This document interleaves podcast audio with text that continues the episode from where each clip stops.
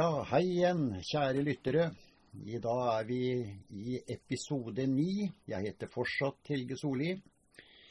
Episoden i dag det har vi kalt 'Skapet en portal og livet i Padova'. Og igjen så har vi med oss eh, Tone som eh, gjest der og vil fortelle litt om dette. Velkommen, Tone. Hei, hei, alle sammen. Eh, vi vil også takke selvfølgelig for spørsmål. Det har kommet inn spørsmål, det skal vi ta etter hvert. Og det er alltid hyggelig. Og så er det også hyggelig, i dag så har vi passert eh, over 400 medlemmer fra si, Facebook-siden vår, som vi har kalt 'Fra den andre siden'. Så det er, det er veldig hyggelig at dere følger med der. Eh, vi skal eh, starte litt i dag, Tone, med at eh, vi skal snakke litt om dette her skapet. Jeg vet ikke om du skal ta bare en kort resymé, litt historie rundt skapet først? Ja, eh, vi har jo snakka litt om skapet før. Eh, det er da et arveskap. Eh, jeg er den fjerde generasjon som har det skapet. Og det er jo et gammelt skap fra 1800-tallet som min oldefar fikk av eh, Løvenskiold. For han jobba jo under dem. Mm. Uh, den husmannsplassen jeg kommer ifra, ligger jo under Løvenskiold. Ja. Eh, så der stammer det skapet ifra. Men nå står det hjemme, i, hjemme hos oss, for å si det sånn. Nå står det hjemme hos oss. Og foruten alt disse her, eh, skal vi si, ansiktene som dukka opp i skapet, så har jo skapet nå blitt rett og slett en, en eh, ren portal. Om du kan fortelle kanskje litt om den portalen, for det har noe med lys og hvordan folk kommer gjennom dette her skapet? Ja.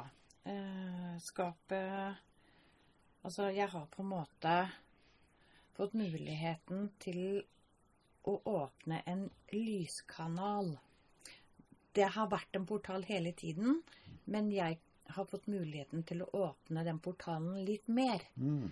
Sånn at flere på andre siden ser det lyset som på en måte Åpninga på portalen syns på andre siden. Mm. Og det er så stort, det lyset, at de blir litt nysgjerrig på hva er det lyset her? Ja. Hvor fører det? Ja. For det er jo sånn at de på andre siden vet jo ikke alt. Nei da. Men, men det som er litt uh, moro, det er at uh, vi kan også sitte her. Eh, nå kommer jo eh, Vi får jo si at det kommer både slektninger og andre mennesker. Men du merker med en gang noen kommer gjennom dette her skapet pga. lukta. Ja, jeg er jo reine jaktbikkja. Ja.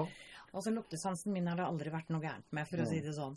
Um, ja, jeg kan sitte på kjøkkenet eller være i stua eller på badet eller uh, for så vidt ute òg. Eh, så kjenner jeg plutselig en lukt. Mm. Og det er sånn Sånn som vi kaller dere før i tida-lukt. Ja. Sånn som det lukta i det gamle hus, eller lukta av gamle mennesker, av klærne. Det er jo gjerne huslukt. Vi har jo forskjellige huslukter. Mm. Eller en gammel parfyme òg, for å si det. ja, og gammel parfyme kjenner jeg. Jeg kjenner såpelukt. Jeg kjenner bilmekanikerlukt. Og tenk deg en bilmekaniker som har masse olje og møkk på hendene og en kjeledress. Den typisk den lukta. Så det er masse forskjellige lukter. Men det er jo også dem som kommer liksom eh, gjennom skapet. De, jeg vet ikke om man får beskjed på andre sida, men de regner jo, noen regner jo med at eh, vi ikke merker dem.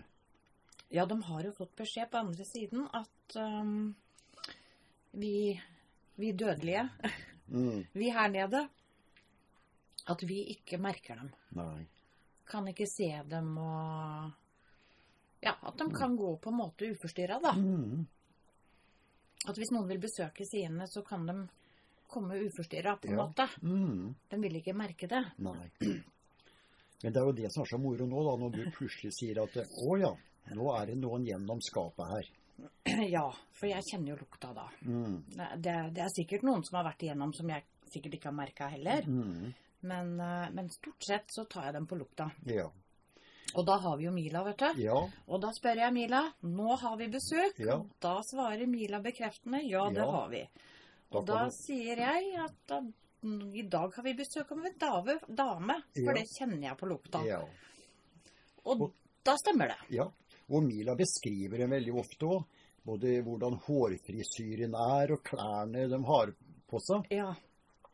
Og så er det noen ganger du kjenner noen igjen da, som kan være i slekta, og da spør jo du. ja, hvis jeg kjenner inn lukta også, Mm, så, så skjønner jeg det jo. Og da spør jeg jo Mila ja, er oldemor her nå. ja, Og da sier Mila ja. ja. Og da, da hilser du rett og slett på oldemor. Da hilser jeg på oldemor. Jeg Ja. tar opp hånda og vinker og sier hei, oldemor. Så koselig at du kommer innom. Og så, får- så får du faktisk svar. Det er det også som er litt moro. Men, men det som er litt morsomt da, det er jo noen ganger som når jeg kjenner lukta, altså Mila bekrefter at ja, det er en dame her, eller ja, Mhm. det er en mann her. Da sier jeg hei, velkommen til oss. Mm, Og da forteller jo Mila at den blir jo så papp, ja, for det er jo ikke noen som skal merke dem. nei. nei Og der sitter jeg og vinker og hilser dem velkommen. Ja. Ja. Så det med Ja, den blir litt sånn eh, Så den blir litt tatt på senga, for å si det sånn. Ja. Eh, foruten, eh, foruten slekta, da, for å kalle det sånn, som dukker opp her, så, så kommer det også helt fremmede eh, mennesker som eh, på en måte blir tiltrukket av lyset pga. det som skjer kall det på den andre siden, altså på vår side. Eh, jeg husker når vi holdt på Vi driver jo veldig mye når vi forbereder jula. Mhm. Ja, eksempel. Mm, Det er Vi lagde jo pølser til jul. mm, Og jeg har jo mamma fra den gang her, så jeg, jeg har vært så heldig å fått noen italienske oppskrifter på Kall det ferske pølser, Mm. som mamma kaller det. Og når vi begynner å lage det, så kjente jeg jo nå en lukt. mm, Og det skjønte jeg var en dame, og det var det jo. mm. Og det var ikke noe familie eller noe som jeg kjenner. Nei. Men jeg fikk jo både navn og hvem gård hun tilhørte, og at hun Mm. også holdt på veldig mye med pølser den gang hun Ja. levde. Ja.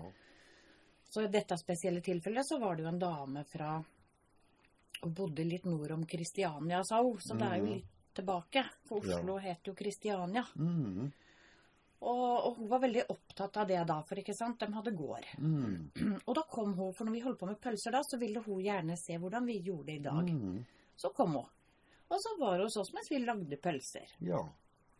Og, og hun kom jo fra en spesiell gård òg, eh, utafor der. Ja, hun sa at eh, For jeg spurte om navnet på gården, Mm, og da sa hun Heden gård. mm. Så, men jeg vet ikke, jeg har Nei. ikke sjekka noe rundt det. Nei. Eh, Heden gård nord Ja. om Oslo, så det, jeg vet ikke Ja. om det kan være Skedsmo hun mener, eller Ja. vet ikke. Det kan jo være en gård som hette det også i, i kall det i gamle dager, og skifta navn nå kanskje òg. Ja. Som eh, det vet vi ikke noe om, liksom. Nei. Så vi har ikke liksom uh, sjekka så mye det her. her. Nei, men vi fikk jo navnet hennes og Ja. på barna hennes. Hun hadde noen sønner. Mhm. Trolig tre sønner hun hadde. Jeg fikk Ja. navnet på, så Ja da. Nei, sånt er, det er veldig spennende. Så akkurat det med, med det her skapet, så, så er det Jeg husker det En ble jo litt skremt i førsten av det her, men nå er det jo liksom Nå bare godtar det. Nå sitter vi jo bare og vinker og ønsker eh, disse her velkommen uansett. blei du skremt? Ja, i hvert fall helt i førsten litt. Ja, det klarte jeg ikke å se. Du gjemte det godt. Ja eller? da, men ikke sant, nå, nå er du så indoktert med det her, her at det er eh, jeg, jeg må bare liksom godta alt sammen. Og så er det jo litt moro òg, da. Og spesielt når jeg også kan eh, snakke med min slekt, for å si det sånn. Mhm. Og det har kommet fram ting der som ikke jeg visste eh, i gammelt da i familien, som nå plutselig eh, jeg nå i ettertid har begynt virkelig å sjekke, og så stemmer det, liksom. Og det er Mhm. klart, da, det, det sier det seg sjøl også. Så det er, det er veldig Det er veldig artig når det, når det er sånn. Så vi kan si at eh, vi får vel besøk eh, gjennom det skapet ganske jevnt og trutt. Ja da. Det, det er vel sjelden det er stille. Mm. Men det er ikke alltid jeg merker noe lukt heller. Og det er bare noen som er dropp innom og titter litt, Ja. og så forsvinner de. Ja, som ren nysgjerrighet. Ren si nysgjerrighet. Ja. Ja. Så, men vi får høre mer om det skapet utover. Jeg tenkte vi, vi skulle ta litt um, Vi har jo fått noen spørsmål her, og litt sånn lesegreier her også. Eh, kan ta ei her som heter Ann-Kristin fra Molde. Eh, dette var sikkert fra forrige episode, for hun skriver Min mor hun er borte nå, men hun har også, eller hun også påsto at hun var adoptert. Hun har helt andre interesser enn resten av slekten. Hun mente, mente å huske mye fra et annet liv i Russland på 1700-tallet. Og så skriver videre at jeg tror fullt og fast på reinkarnasjon. Og så takker hun for et uh, fint program. Så det er jo veldig hyggelig også. Ja, og det er så godt å høre. Uh, Ann-Kristin fra Molde, det, jeg er veldig lei meg for at jeg aldri da fikk møte din mor. Uh, for det er nok flere der ute, tror jeg, som har det sånn. Mhm. Men så er det det at uh, man tenker sånn at Nei, det er bare jeg. Det er noe gærent med meg. Mm. Nei, kanskje jeg ikke klarer å tilpasse meg. Da. Altså, det blir jo veldig mye tanker. Mhm. Men, uh, men dere skal ikke skimse av det, altså. Nei. Og, det er, og når du sier at hun også påsto hun var adoptert Ja. Jeg kjenner følelsen. eh, ja. Hun hadde helt andre interesser av slekten. Jeg kjenner meg igjen. Mm. Og hun mente at du huska mye fra et annet liv i Russland på 1700-tallet. Det tror jeg på. Ja. Eh, så ja, hun Hun var nok reinkarnert. Mm. Det visste hun nok sjøl òg. ja. Så det var synd at jeg aldri fikk møte henne. Mm. Men, men. Sånn, sånn er det. Mm. Eh, for å ta over til det her skapet litt grann igjen også. Eh, vi, kan jo, vi kan jo ikke kalle fram noen gjennom skapet. Nei, jeg, jeg kan ikke spørre om å møte Elvis Presley, f.eks. De styrer, åndene styrer litt det der sjøl. Mm. Så jeg håper en dag at jeg kan få lov. Ja, Jeg får spørre pent. ja. Så vi, vi får si det at de som kom gjennom skapet, vi vet aldri hvem det er. Nei, vi får, eh, vi får noen ganger beskjed òg. Ja, At jo nå da. kommer det noen og besøker dere. Ja, det Men gjør vi vi jo. vet ikke hvem det er. Nei. Eh, ja, det blir jo mer med skapet utover også. Men jeg vil gjerne ha et spørsmål inn til, jeg. Eh, som også var vel litt fra forrige program også. Det er Wenche fra Bærum. Mm. Hvorfor kom du i kloster så ung? Ja. Eh, Jeg var da 13 år når jeg måtte i kloster. Mm. Uh, Og på 1600-tallet så var det jo sånn at uh, når to stykker skulle gifte seg, så måtte de være fra samme kast. Mm. Uh, altså Den ene kunne ikke være av høy rang, og den andre av lav rang. Da, ja. da var det ikke lov å gifte seg. Mm. Og i, i det tilfellet her så var det jo mamma av et lavere kast Mm. enn det pappa var. Mm. Så de fikk jo aldri gifte seg. Nei. De kunne jo selvfølgelig ha trossa det, Mm. men ja, det var jo ikke sånn man gjorde da. Nei, så det det, var kunne det var kjempestrengt. Mm. Så, um, og da, når de da fikk tre barn, så, så blei jo egentlig vi litt sånn uekte. Ja. For vi var gift utenom ekteskapet. Mm. Eller vi var født utenom ekteskapet.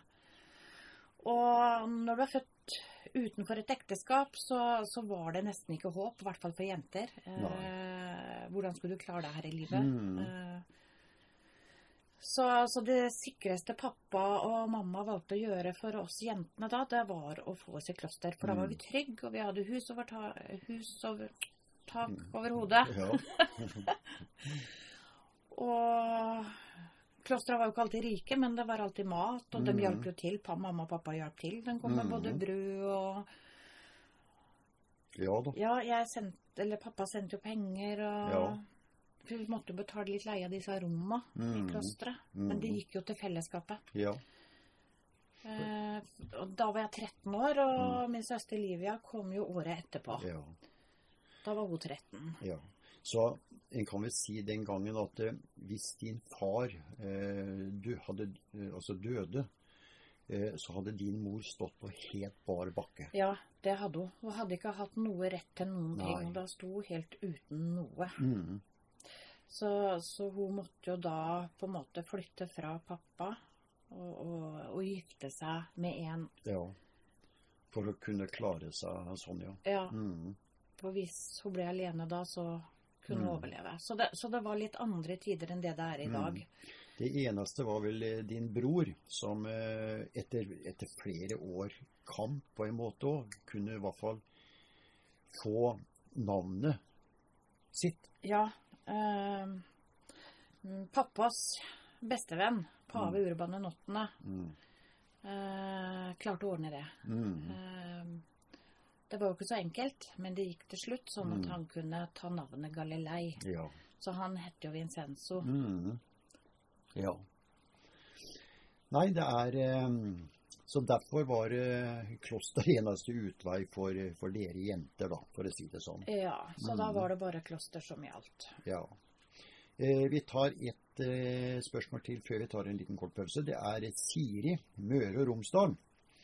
Vil du ta opp mer med livet etter døden, og hvordan er det der? Du er jo ikke redd for å dø. Nei, jeg er ikke redd for å dø i hele tatt. Eh, Men vi kommer mer inn på det senere. For eh, vi kommer litt inn på dette med dimensjoner. Mm. Og det, det er jo delt opp i dimensjoner. Det Mm. er um, syv. Mm. Og da kan vi forklare litt mer om det. Da kan vi forklare litt mer om Mm. det, hva som eh, foregår, og, Mm. og hvordan det er. Mm. Veldig flott. Ok, dere. Rask liten pause, så er vi straks tilbake.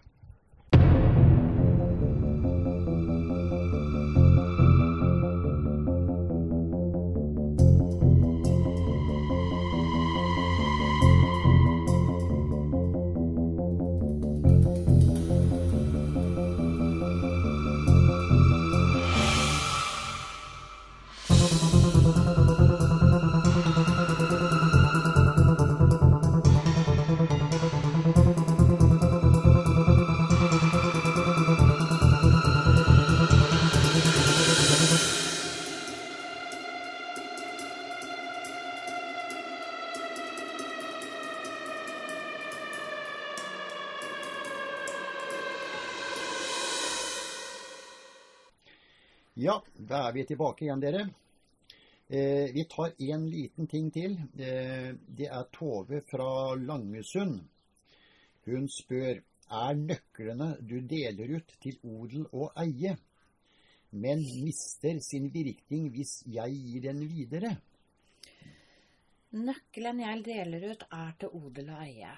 Eh, og den, den, den skal virke for deg. Så hvis du gir bort den nøkkelen, så, så vil den ikke fungere. Nei. For, for den kommer med et lys, øh, og det lyset som jeg gir, Ja, er spesielt til deg. spesielt til deg. Ja. Mm, Så, så den kan du ikke gi videre. nei, da, da har den ikke den virkningen, for å si det sånn. Nei. Mm. Så da håper vi at du har svar på det, Tove. Ja, nå skal vi gå over litt til eh, barndommen din, eh, Tone. Eh, Livet i Padova. Ja. Padova, som jeg prøver å si det riktig. ja. Så du er jo født der. Og du kan jo fortelle litt om åssen livet var der, og, og på en måte hva du, hva du holdt på med litt, da. Ja. Nå fortalte jeg jo sist dette om marihuana, det torvet som vi bodde Mm. oppafor, Ja. og denne ananasen. Mm. Eh, men vi var jo som unger flest. Vi fant jo på hyss òg, Mm. rett og slett. Eh, vi var jo vanlige barn. Mm. Ja. Men, men jeg husker eh, Jeg husker veldig godt at jeg hjalp til hjemme når jeg blei litt større, for mamma hadde jo da tre barn. Mm. Eh, Jeg husker veldig godt at eh, jeg sto ute og hengte opp klær. Mm. For hun hadde sånne snorer hun kunne dra i. Mm. Ja, ja. Når jeg hengte opp et plagg, så kunne jeg bare dra i snora. Så Men sånn har vi vel hatt i Ja. disse tider òg. Ja. Men det husker jeg. Mm. Og jeg husker hagen vår, og Mm. vi hadde et sitrontre. Mm. Ja, pappa lærte meg å kaste med slynge. Nå skal dere høre, det var litt moro. Ja. For det var sånn Tone plukte sitroner. Det Mm. var med slynge. Mm. Men vi var litt uheldige en gang, da. Mm. Uh, vi sto utafor huset, og pappa skulle vise meg det her, da, hvordan jeg skulle gjøre. Mm. Og det endte jo med et vindu som gikk. Mm. I tusen knas. Ja. Og vinduet, det var ikke billig den gangen. Nei, det var ikke billig. Da fløy pappa. Mm. Ja. Kan dere tenke dere Galileo Galilei var redd for mor? Mm. ja. Så ja da. Det, Du har jo sånne historier der. ja, jeg Mm. har f.eks. for eksempel naboen. Mm. Han hadde høner. Mm. Og vi, var, vi hadde jo litt penger fordi at pappa var den han var. Mm. Eh, Så vi var jo veldig heldig stilt. Så jeg tok jo med meg to appelsiner ut. Mm. Og vi var jo en hel ungeskokk. Mm. Sånn var det jo. Mm. Uh, Og så den stakkars naboen med disse hønene, da. Mm. Jeg sa til, til alle vennene mine at uh, den første som kunne komme med ei fjør fra en av de hønene, Mm. skulle få en appelsin. Mm. Og så hadde jeg en appelsin i hver hånd. Mm. Og da kan du tenke deg en åtte-ni unger som flyr inn i hønseflokken til naboen. Mm. Det livet det blir. Mm. Men da skjønte naboen, for han kjente. Mm. Han kjente meg.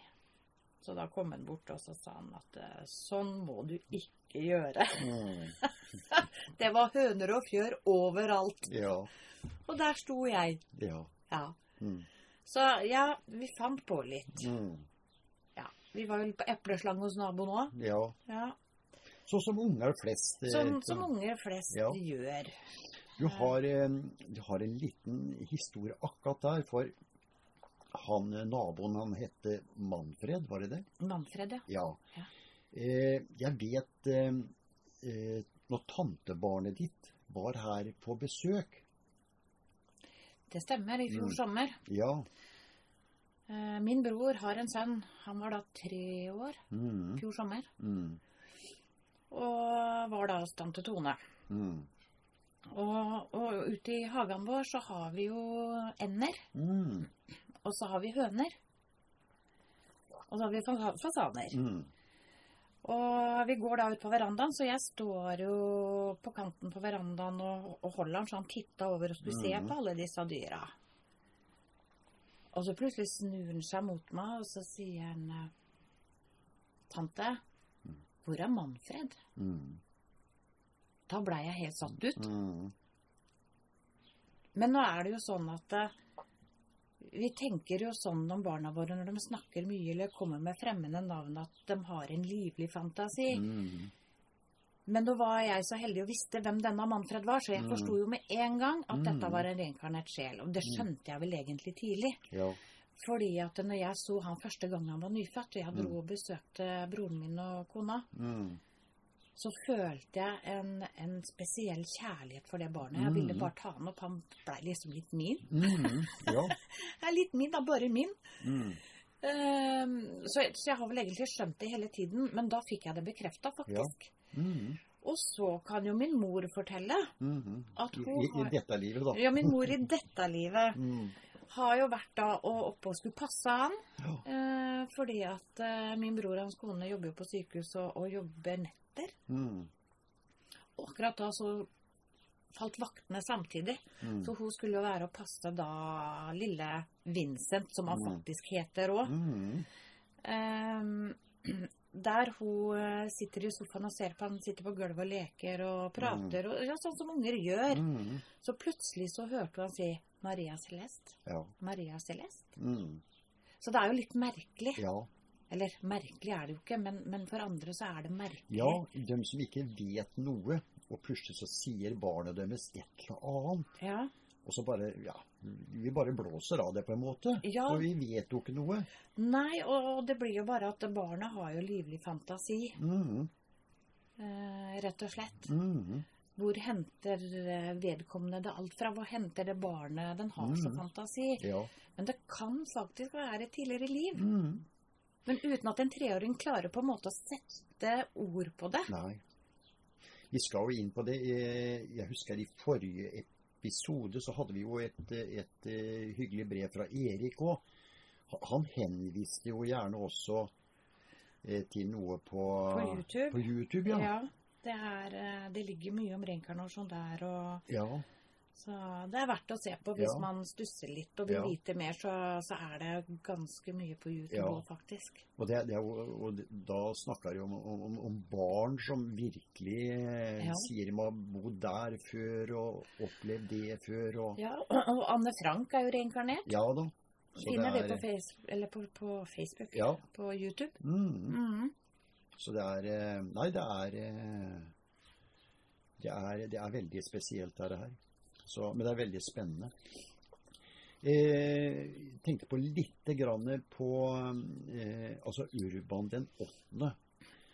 Eh, han, han var jo egentlig en god venn av familien eh, også si, lenge før han ble pave. Ja. han De ble kamerater i 15-16-årsalderen, pappa. Ja, det var vel sånn. Urban var vel rundt Mm, 16 år. mm, Du var fire år eldre. 18 Mm. da. Uh, ja, dem uh, Da, het, var- da het han jo ikke Urban heller. Da het han ikke Urban, for det tok han jo som pavenavn når Mm. han ble pave. Mm. Eh, han het jo eh, Maffeo Vincenzo Barberini. Ja, akkurat. Mm. Det er hans opprinnelige navn. Og det het han jo som kardinal også. Mm. Og når han da ble pave, så tok han navnet Urban. Og da ble Mm. han pave Urban den åttende. Mm. Det, det som er litt eh, fra historien Du har jo litt annet å fortelle der, men historien sier jo på en måte det, det, Den gangen din far på en måte ble arrestert, så var det jo på en måte Urban som måtte gjøre det. Ja, historien sier jo at, at Urban var veldig imot pappa, det var ikke måte på og sånn. Men, men han, han som pave Mm. skulle jo da på en måte arrestere og straffe sin beste venn. Ja. Mm. Det vet vi jo at vi blir litt inhabile. Mm. Klart. Eh, og paver er også bare mennesker. Mm. Eh, med følelser og alt Mm. det vi, er, vi har, vi dødelige. Mm. Og, og det er klart at han måtte jo vise seg Sterk, sterk og og, liksom kirkens høyeste mann, for å si det sånn. Ja. Mm. eh, måtte jo liksom ja, skal jeg si, spille et lite skuespill Mm. i forhold til, til pappa, da. Mm. Eh, men det var nå engang sånn at han var verken sinna på pappa eller noe. Han Mm. virkelig på pappa. Han eh, valgte å sette den i arrest i Vatikanet. Ja. Husarrest, for å si det sånn. Husarrest. Ja. Eh, eller så kunne han ha risikert å bli hengt eller Ja. hørt. Jeg vet ikke hva de gjorde den gangen. Ja, det var jo, det var jo Når du påstår plutselig at eh, jeg skal si, jorda ikke er sentrum, Ja. men at sola og planetene går rundt sola, Mm. så er det klart det er jo mot det veldige det kristelige delen de hadde den gangen. ja. Det var jo veldig. Så, Mm. så det var jo Det var jo ikke bra, det, da. Nei. Så, men han ble da satt i arrest i Mm. Vatikanet. Mm. Og hadde et eget Ja, først så Jeg kaller det bare huset på taket. For i Mhm. Vatikanet så er det et hus Ja. oppå et tak. Mm. Et lite hus. Mm. Det tror jeg faktisk jeg tok bilde av da vi var der. Ja, så det, kan, jeg prøve å legge ut hvis noen vil se det. Mhm. Eh, så kan jeg legge det ut på Facebook-siden. Mm. Men der var pappa først. Det Mm. lille huset på taket. Mm. Der holdt han til. Mm. Før han ble flytta lenger inn i Vatikanet. Mm. Men han fikk eh, et eget stort rom, og han fikk, eh, han fikk alt han trengte Mhm. til å faktisk jobbe videre Ja. med det han jobba med Mm. den gang.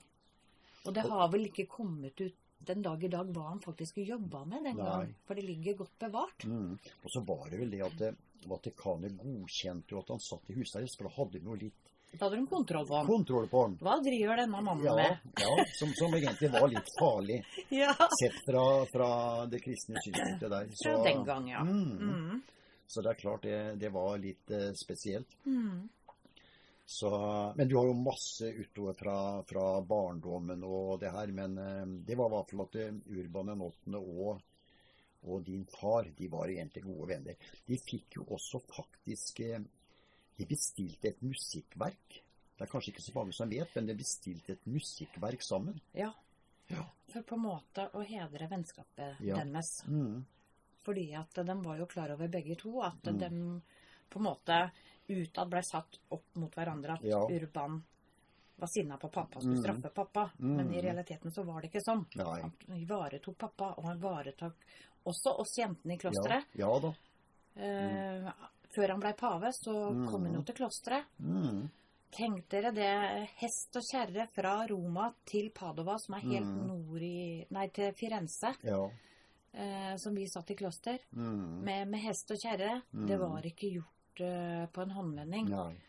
Og, og pave Urban, han eh, Eller han var jo kardinal da, da. Mm. Men han gjorde det. Mm. Eh, kom og besøkte oss. Mm. Vi gikk gjennom hele klosteret hva vi trengte, og han skaffa til veie ting, Mm. så vi var veldig heldige. Ja. Vi, han sørga for oss jentene, og han Mm. passa på oss alle. Mm. Mm. Eh, mm, jeg vil si på litt, kanskje litt sånn litt på tampen her også. Eh, vi, vi har jo besøkt eh, Altså, du og din far Dere ble jo oppgitt veldig ofte. Dere hadde jo enormt med brevskriving. Ja, vi skrev jo Nå husker ikke jeg alle breva. Men eh, vi skrev mange brev, og, og vi har jo snakka litt om det nå Mm. i disse tider, og jeg og pappa, Mm. om disse breva. Og det som er litt morsomt, at det er jo fortsatt et brev som ikke noen- Er offentliggjort? Ja, det, Mm. det er vel kanskje ikke alle som vet at det fins heller. Nei. Men det vet jeg. Mm. For alle eh, klostre Når eh, Når skal vi si for noe Når eh, din Når far pappa ble arrestert, ja, så brant de.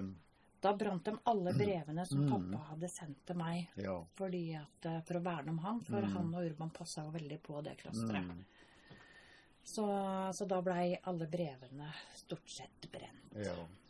Så de eneste brevene som ble offentlige da, det er jo dem som ble i Vatikanet, for å si det sånn. Ja, så var det vel de brevene fra meg Ja, som, ja riktig. ja, Mm.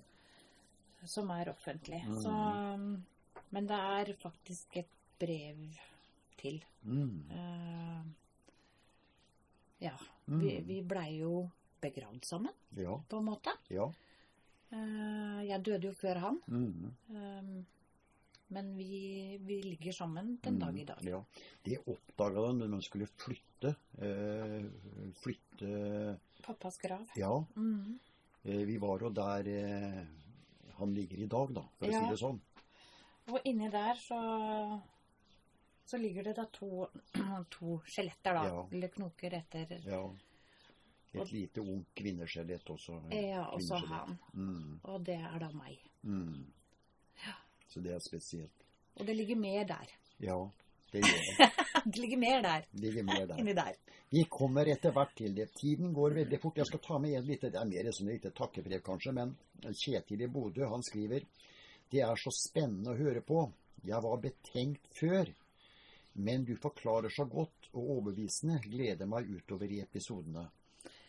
Det er veldig hyggelig å få en sånn tilbakemelding. Og ja, man skal være betenkt. Man skal tenke seg om. Mm. Eh, For det er mye rart der ute, det vet vi jo. Mm. Ja da. Eh, Jeg forklarer godt fordi at dette er mitt liv. Mm. Jeg lever på en måte to liv i dag. Mm. Jeg lever, lever litt fra den gang fordi at jeg husker. Mm. Og så lever jeg mitt liv nå òg. Ja. Ja, og det da er det. Da vil det vel logisk bli overbevisende, fordi at Mm. det jeg forteller, er sant. Mm. Ja, Nei, men ja, det er spesielt. Man, man, Mm. man skal tenke seg om, og det var jo som Helge gjorde òg, Kjetil. Mm. Eh, når jeg kom inn i huset her og, og begynte å fortelle om musikk jeg hørte og sånn og sånn, han, Mm. han var jo hvit i ansiktet til Ja, tider, for han var det. skeptisk. Ja. Veldig. Det nytter ikke jeg komme her og komme her. Men nå er jeg helt eh, som deg, eh, Kjetil. Jeg får si det sånn.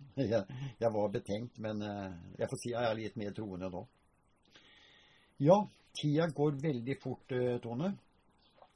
Vi får takke igjen for, eh, for som sagt spørsmål, og det er bare å stille, stille flere spørsmål. Så får vi prøve å svare så godt vi kan. Mhm. Så kommer det jo mer utover fra forskjellige ting. Og hvis det er noen spesielle ønsker også Tone skal ta opp, så er det veldig fint om dere også kommer med det. Men vi skal også innpå som uh, dette her med livet etter døden. Det blir liksom også et, en eget uh, episode ut av. Uh, da vi skal fortelle litt om disse dimensjonene og det hele. Så da er det vel bare å si takk for i dag, Tone. Ja, tiden går så fort. Ja. Hyggelig selskap, dere. Ja. Så høres vi igjen til neste uke. Og til da, dere, så pass på dere sjøl. Og for å si ha det bra. Ha det godt, alle sammen.